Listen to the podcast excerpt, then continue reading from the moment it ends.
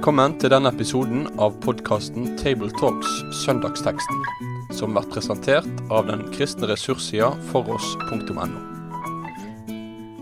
Hjertelig velkommen til en eh, ny episode av eh, Tabletalks Søndagens tekst, der vi snakker om eh, preiketekster for kirkeårets søndager.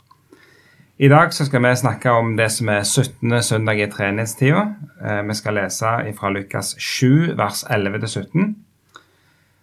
Og eh, det som er litt artig med denne søndagen i treningstida, er at nå er vi ca. seks måneder fra påske. Og da er det lagt inn en søndag hvor vi leser tekster som på en særlig måte minner oss om Jesu makt over døden, om oppstandelsen. Så i dag så skal vi lese en tekst som handler om det, og de øvrige pregetekstene til denne søndagen er òg tekster som handler om Jesu makt over døden. Men i dag skal vi til Nain, og vi skal lese om enkesønnen som Jesus vekker opp i Nain. Med meg til å snakke om denne teksten så har jeg Sverre Bø. Og Toril Slottsveen Asp. Og så er jeg Knut Kåre Kirkholm. Nå skal Toril lese teksten før vi går videre og begynner å snakke litt om innholdet i den. Kort tid etter ga Jesus seg på vei til en by som heter Nain. Disiplene og en stor folkemengde dro sammen med ham. Som han nå nærmet seg byporten, ble en død båret ut for å begraves. Han var sin mors eneste sønn, og hun var enke. Sammen med henne kom et stort følge fra byen. Da Herren fikk se enken, ble han fylt av medlidenhet med henne og sa, Gråt ikke. Så gikk han bort og la hånden på båren. De som bar den, stanset, og han sa, Unge mann, jeg sier deg, stå opp.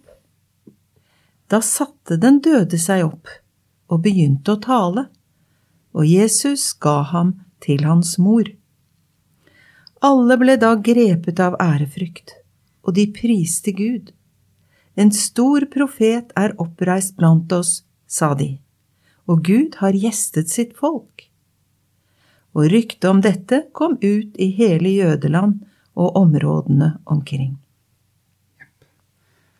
Dette er jo en eh, fortelling som eh, vi kun leser her, så denne har vel ingen paralleller i de andre synoptiske evangeliene. Eh, og jeg husker første gangen jeg skulle preike nesten noen, noensinne, så var det denne teksten her som jeg skulle gjøre over.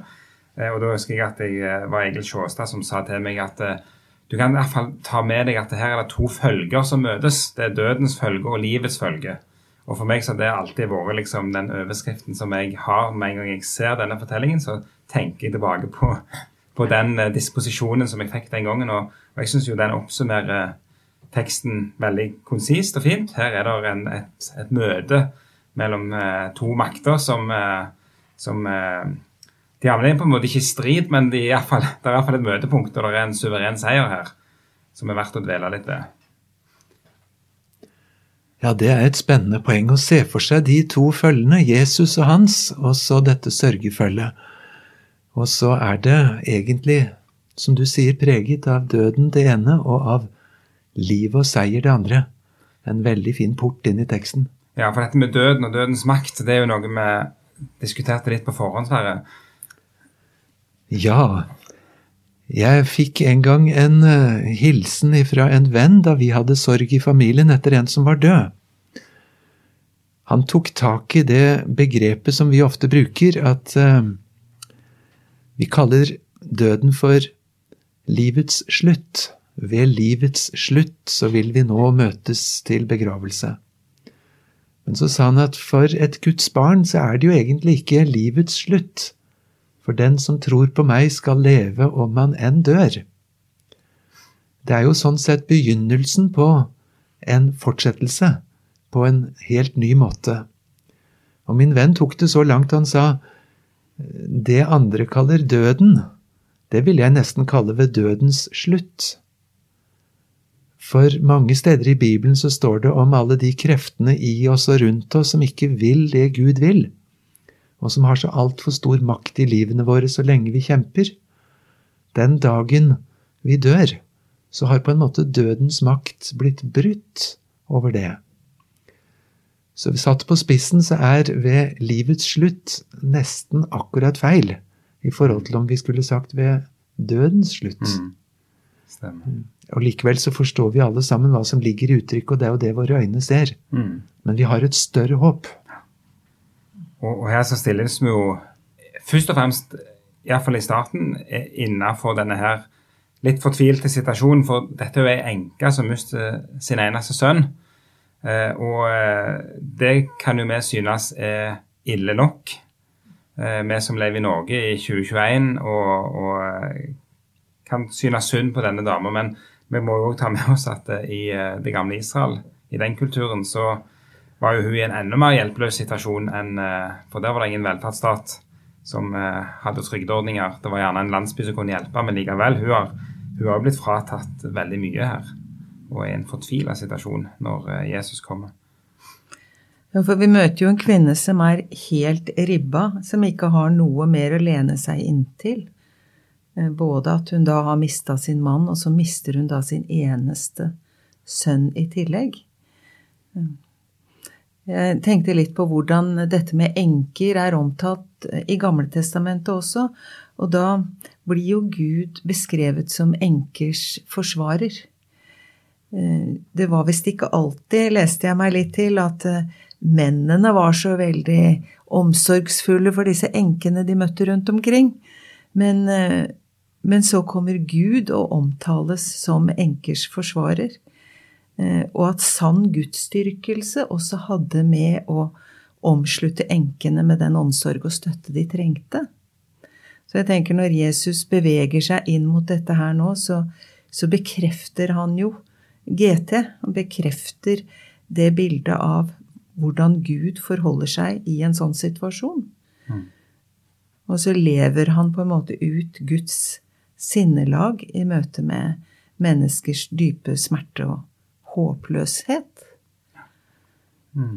Og det verset som, som da jeg alltid har, har eh, syns har vært veldig sterkt, dette er at han blir fylt av medlidenhet.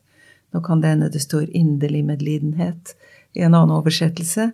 Eh, Men det er kanskje et uttrykk som ikke er så lett å oversette til norsk. For det ordet som er brukt, det har jo å gjøre også med, med våre indre organer, som ligger dypt inne i kroppen og eh, ja, handler om det indre mennesket. Og et sted leste jeg at det uttrykket betyr nesten at våre indre organer vrenger seg. Eh, Og da er det ikke bare ja, ja, han syns synd på henne, og så begynte han å, å snakke med henne. Men eh, mange av oss er jo sånn at når vi ser på en reportasje om barn som har det vondt, så, så blir vi litt oppløst av tårer sjøl. Og det er kanskje samme uttrykket. Vi blir oppløst av medfølelse og medsmerte. Og så er det sånn det beskrives når Jesus reagerer på denne smerten. Ja, det er så fint, og det er så sant, sånn som du sier det. Tenker på en av de andre fortellingene av at noen døde som Jesus reiste opp fra de døde, med Lasarus. Der står det jo rett, og, rett ut at Jesus gråt. Bibelens korteste vers, men innholdsmettet. Eh, Min far døde da jeg var i tenårene, og jeg husker hvor fint jeg syns det var med det uttrykket farløses far og enkers forsvarer. Ikke fordi vi var ytre sett i noen sånn umiddelbar krise, men at det var et særlig løfte. Utrolig varmt og fint å se hvor ofte det kommer. Ja, det er et godt poeng. Og For å spille videre litt på det poenget du hadde, Toril, med at det var en guddommelig eller altså det, det er jo en, en eh, Det er jo Guds reaksjon i møte med, med, med Jesus viser seg jo som, som Gud her. For han, han har den samme reaksjonen overfor hun her som Gud har lovt han skal ha.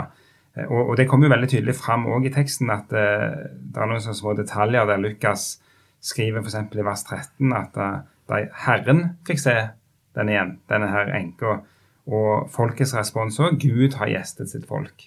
Og det var noe du eh, ja, fikk fram med, med å peke på det, at her, her er det jo Herren som eh, altså, det er som Lukas også prøver å hinte oss litt i den retning. At vi skal forstå det, at det er faktisk Gud som har, eh, har kommet, eh, kommet, nær på denne måten her. Og møter med sin makt. Ja, og jeg tenker når han plutselig bruker eh, dette ordet for herre, som, som vi kjenner igjen både fra GT og NT, hvor han på en måte er nær og er til stede som den opphøyde Gud i det høye og det hellige. Han er den fullkomne og den hellige. Nå kan jo det ordet herre brukes også når man i respekt eh, snakker til overordnede, enten det er rabbier eller det kunne være Jesus i andre sammenhenger. Men jeg, jeg tror vel helst Lukas har en dobbelthet her. Mm. For han sa jo Jesus i de første versene, og så plutselig kommer han inn med Herren. Mm. Og, og, da er det jo den mektige Gud som har skapt den mektige Gud vi møter i Gamle Testamentet, som plutselig er helt nær. Og det er når den hellige Gud ser vår menneskelige hjelpeløshet og smerte, eh, og dødskreftene som herjer med oss, så beveges hans sinnelag og hans hjerte med en så dyp kjærlighet. Og det er vel òg en, en, sak, eh, dette ordet som oversettes med inderlig medynk, eh, som jo heter splanknitsomai på gresk. Vi må jo få lov å si det ordet, for det er jo så stilig å si. Men det er jo et ord som faktisk brukes eh, vel egentlig bare om Gud eller om Jesus, og i bilder der det er Gud det siktes til, f.eks. faren til, til denne her eh, sønnen som har rota seg vekk, så får faren inderlig medynk. Men det, i den teksten er det jo nokså åpenbart at den faren er et bilde på Gud. Så det, det er en egen sånn guddommelig kjærlighet som er innenfor horisonten i, i dette uttrykket her. Jeg tenker det er jo eh, kanskje vanskelig for oss å fatte at det virkelig er sånn at Gud ikke er distansert i mitt liv heller. Mm. Men at han, han, ser, og han legger merke til, og han beveges i sitt indre av medfølelse med meg.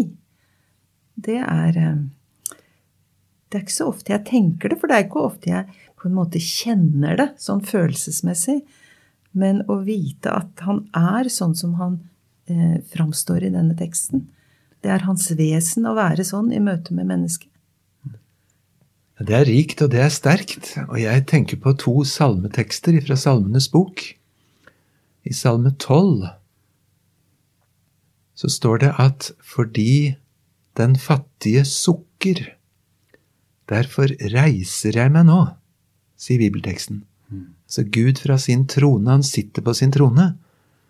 Men det er noen ganger han blir så opprørt at han reiser seg når han ser hvordan den fattige har det og herses med. Noe lignende finner vi også når Stefanus blir dødsdømt og steinet. Da får han se Kristus stå ved Faderens høyre hånd.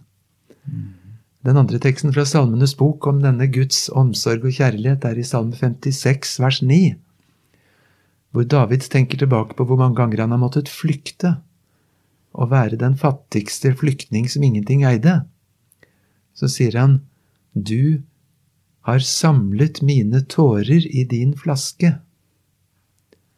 Gud så nær at han fanger en tåre på vei ned på hodeputa. Og hva slags flaskesamling er det Gud sitter med, når han kan faktisk fylle de med tårene våre? Så nær er han så medlidende. Mm, det er et fint poeng. Absolutt. Og, og um, for å spinne litt på det òg, så er det jo um, Jeg leste litt fra, fra Luthers utleggelse også av denne salmen, og han gjør også et poeng av det, det som var, var, fint å understreke, at det, uh, det er ingen hint i denne teksten om at denne enka har noen som helst forventning om noe annet enn at nå er jeg havna her, nå bærer vi gutten ut, han skal begraves, nå er det ferdig. Og så er det liksom det derne det kommer noe utenfra. Gud kommer utenfra helt uventa inn i en håpløs situasjon og bare griper inn. Og når han kommer, så, så blir alt snudd på hodet. Eh, og så skriver Luther til slutt Måtte vi bare tro det. Amen. men, men, det er utrolig Det er et veldig viktig poeng å ha med seg at det her er denne Gud som er så nær og interessert i å komme, komme helt nær. Da, og det er han som tar initiativet. Eh, I denne her, her er det ingen, eh, ingen uh, antydning til at hun er enke og har sendt bud eller noe som helst. Så det er verdt å merke seg da. Jeg tenkte på en, en nesten litt sånn parallelltekst i Første Mosebok 16, der Hagar, som venter Abrahams barn, får så vanskelige levekår. Kanskje hun er litt vanskelig sjøl òg, men i hvert fall så, så, rømmer hun ut i ørkenen og sitter i ensomheten og vet ikke hva hun skal gjøre med sin smertefulle situasjon. Og så, og så ser jo Herren henne, og Herrens engel taler til henne, og så hennes respons da blir Da ga hun Herren, som hadde talt til henne, navnet Du er Gud som ser. For hun sa, Har jeg virkelig fått se et glimt av Han som ser meg? Og her har vi jo i vår tekst også en hjelpeløs kvinne hvor, hvor nøden og smerten har tatt over det hele. Og så står det at Herren kommer nær og ser henne. Eh, så ser det ut til at det, det, det, er nok håp i det, at Herren har sett. sett. For, eh, for, Hagar så måtte hun jo tilbake til den vanskelige situasjonen og fortsette å stå i den. Eh, nå fikk jo denne kvinnen oppleve faktisk å få sin sønn tilbake, så her fikk hun som en av de få oppleve å bli løst fra smerten sin akkurat der og da. Men det var sikkert mange i det følget som kunne ønske seg noe lignende. Og de fikk ikke den opplevelsen, men de fikk i hvert fall oppleve hvordan Jesu makt er, og er til stede. Det var bare interessant å sitte Det står jo, det er jo sånn detalj, men gutten satte seg opp og begynte å snakke. Hva tror du hva han snakket om? Det hadde vært interessant å visst. De må ha vært en gjeng jeg tenker Det må ha vært en liten landsby, og, og de har sikkert kjent hverandre. og ja, det er utrolig fascinerende å bare begynne å fundere hvordan det har sett ut. Det... Men det må jo ha vært også et veldig skremmende øyeblikk ja. når den døde plutselig ja. reiser seg opp der mm. og sitter i sin kiste nærmest og ser seg omkring og begynner å snakke. Mm. Og de ble jo redde. Det står jo at de ble grepet av frykt. Og lovsang. Så det, det må være en mektig opplevelse for dem. Eh, et annet poeng som jeg rota meg borti når jeg satt eh, og, og forberedte litt, var jo at jeg begynte å kikke på Atlas og Bibelatlas og se litt på Nine og søkte på Google Maps og finne ut hvor dette var. Eh, det var litt interessant. Eh, for det som slo meg da, er jo det ene er jo at det er ganske nærme Nasaret, denne byen. Det er mange, kan ikke være mange kilometer. Nasaret ligger liksom litt oppå et høydedrag, og så er det nede på dalslett, og så ligger nok Nine enten litt i kanten av neste høydedrag eller nede på sletta. Så det er sikkert en by som Jesus òg har, har, kjent til fra sin oppvekst i Nasaret. Og kanskje han har vært der mange ganger, og kanskje han kjente folk der. Det vet vi jo ikke. Bare det i seg sjøl var jo interessant. Og så slo det meg òg da at eh, en annen sånn liten by som ligger i nærheten, er jo byen Sjonem. Og Den leser vi om i kongebøkene, der vi leser om profeten Elisha som òg eh, har ei sånn enke som han eh, får besøke, ei som tar seg litt av han. Det er ikke enke, men ei dame som tar seg av han. Eh, og så har hun òg en sønn som Det står vel at han får akutt vondt i hodet, og, og, så dør han. Og så er det da Elisha som gjennom sin tjener og til slutt kommer sjøl for eh, vekte opp denne sønnen. Så det sto meg òg altså de, de folka som lever i dette området, de har en, de har en slags noen minner, noen historier i, i, sin bakgrunn som ligner på dette her, og så plutselig så skjer det igjen. Og det er vel gjerne bevisst, Sverre, er det ikke det? At Lukas spiller litt på sånne hint? Jo, det er det, det er det, som blir så dobbelt spennende. Mm. Eh, for det er mange nok steder vi ser at Lukas nettopp forteller hendelser fra Jesu liv mm. på en slik måte at du blir dratt tilbake igjen til lignende hendelser i Det gamle testamentet. Så det er nok ikke en innleggelse, men faktisk en utleggelse. Og en, en, teknikk Lukas bruker for å hjelpe oss til å se det den allmektige Gud gjorde i gammel tid, det fortsetter han å gjøre gjennom denne Jesus. Mm. Og så kaller han, som vi har sett i denne teksten, Jesus plutselig for Herren. Mm. Som fikk enhver bibelleser til å sperre øynene opp. Det er første gangen i Lukasevangeliet at Jesus kalles Herren rett ut. Mm. Og det identifiserer jo på en veldig sterk måte hvem det er som gjester sitt folk. Ja, ikke sant. Så den der litt sånn indirekte kommunikasjonen vi kan nesten si at det foregår her, som skal vekke, vekke oss litt til å forstå hva, hvem Jesus er. Og sant, Nå nevnte jeg jo Sjonem og Elisha, så har vi jo òg første kongebok 17 og enka i Sarepta. Da er vi vel ut forbi eh, Israels kjerneland, men, men det, er jo, det, er jo, samme opplegget med en, en fortvila situasjon der Guds profet kommer og og det skjer et stort under. Så det er helt åpenbart noen paralleller eh, bakover til Det gamle testamentet der. Og jeg tenker I første kongebok, når den eh, 17, når det fortelles, så er det jo profeten som, som ber til Gud. Han roper og sier, 'Herre min Gud, vil du virkelig gjøre så vondt mot denne enken som jeg får bo hos, at du lar sønnen hennes dø?' Mm. Og jeg synes det, det er en sånn frimodig argumentasjon med Gud. At en kan komme så nær Gud at en rett og slett kan få, eh, få snakke helt alminnelig fra sine følelser og fra smerten, og regne med at Gud responderer inn i det. Um, og kanskje er det noe her som vi eh, kan få mer frimodighet på. Vi skal ikke tvinge Gud og plutselig kommandere Gud, men at vi, vi kan vite at han er ikke så distansert at jeg må inn i en, en riktig rolle for å kunne henvende meg i min bønn til han. Han vil ha meg der jeg også gråter og sier ting som de er. Mm. Når nøden er stor. Og enkens gråd er vel gjerne en bønn i seg sjøl, kanskje òg i vår fortelling. At, eh, altså Jesus har jo tima dette besøket.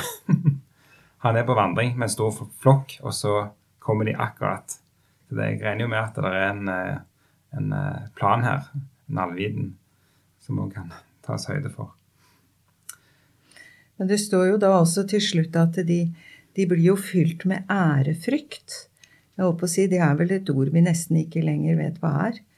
Men eh, de priste Gud, og så erkjente de Guds nærvær gjennom det de så. Sikkert fordi at de, de kunne sin bibel, de visste om disse historiene, og de gjenkjente jo da Jesus sånn som Gud hadde handla før.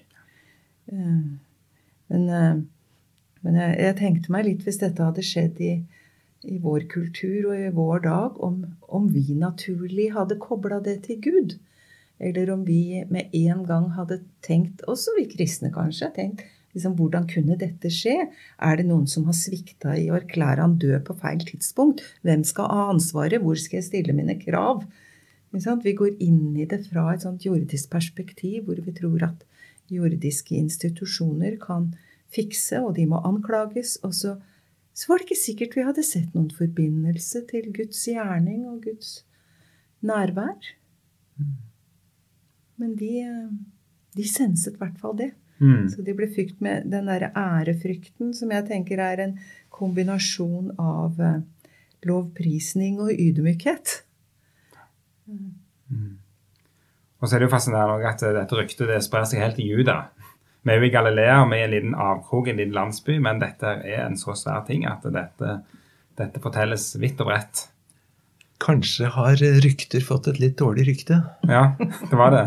For her er det jo et godt rykte, Mm. og det sprer seg. Ja. Og det er fantastisk å tenke over hva et godt rykte kan utrette. Mm. Denne Jesus maktet.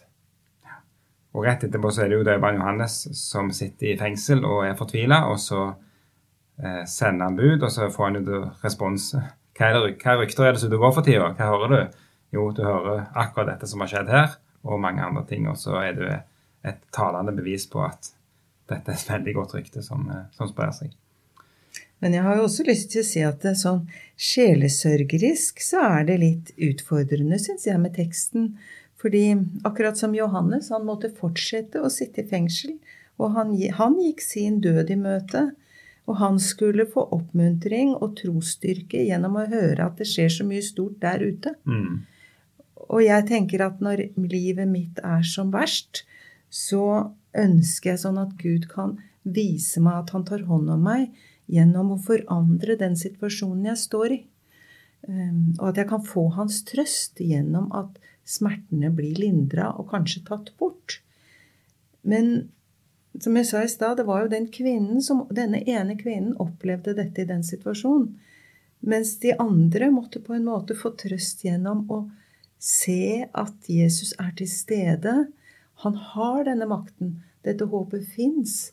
Men som Hagar, som ble sendt tilbake til den vanskelige situasjonen og måtte leve i den, så er det noe med at min trøst skal ikke bare være at han endrer min smerte, men at jeg kan stå i min smerte og vite at jeg kjenner han som, som håpet bor i, på en måte.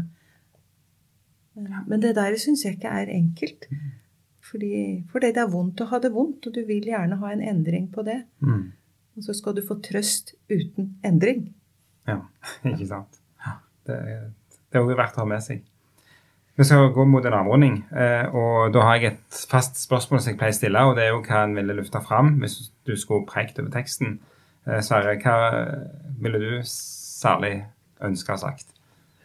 Jeg sitter og tenker litt langs det sporet Toril hadde nå ganske mot slutten her.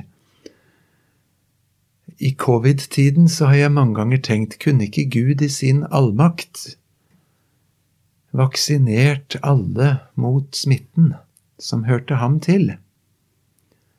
Kunne ikke Gud vaksinert alle sine mot kanser? Og så leser jeg i Bibelen at Gud i sin godhet lar sin sol gå opp over gode og onde, og lar det regne over rettferdige og urettferdige. Og det er jo det vi ser rundt oss. Noen ganger kunne vi ønske oss litt spesialbehandling, og det får vi. Noen har fått spesialbehandlingen i form av Jairus' datter som ble reist opp, og Lasarus som ble levende igjen, og en som falt ut av et vindu da Paulus talte lenge, i apostelgjerningene 20 og Dorkas i apostelgjerningene 9. Men de aller fleste av Guds folk, samme hvem de har vært, de døde, og menneskelig sett så ble ikke de brakt tilbake til livet. Grunnreglene Gud har satt oss under, er at han lar sin sol gå opp over gode og onde og lar det regne over rettferdige og urettferdige. Men det er ikke det siste ord. For bakom den dødens horisont som liksom er det siste vi ser, så tror vi på legemets oppstandelse og det evige liv. Det sier alt Guds folk over hele Guds jord hver eneste søndag. Og som livet går framover for min del, så blir det et viktigere og viktigere ledd. Jeg tror på legemets oppstandelse og det evige liv. Gud får siste ordet, ikke døden. Mm. Fint. Toril? Ja, jeg tror jeg ville stanse ved denne kombinasjonen av Herren og medlidenheten. Ehm, og at eh, når det er den levende Gud som har himmel og jord i sine hender, som velger å ha medlidenhet med meg i mitt lille liv, så er det kanskje der, når jeg får se dette og se Han som den han er, at jeg kan finne hvile og finne trøst som bærer også ut over det som er min akutte situasjon. Og at, eh, at trøsten og håpet og livsstyrken kan komme av at jeg får vite mer om hvem Gud er, og hvordan Gud er, og hvor Gud er. Han er medlidende, og han er hos meg, og han er hos alle andre jeg omgir meg med, som er i en smertefull livssituasjon. Og det, det ja, det blir en bønn at jeg kan få lov til å virkelig være rotfesta i det, slik at jeg ikke bedømmer om det er sant i forhold til hvilken praktisk erfaring jeg får. Det er like sant når jeg har det vondt, som når jeg har det godt. Ja. Mm, fint. Da runder vi av. Ehm, de som eh, vil jobbe enda mer med teksten, kan òg se mer på foross.no, hvor det vil ligge ytterligere både skriftlige og muntlige gjennomganger av denne teksten her. Så med det så sier jeg takk for i dag og vil ønske Guds velsignelse både til deg som skal lytte til forkynnelse fra denne teksten, og deg som skal tale over denne teksten. Med det sier vi takk for følget for denne gang.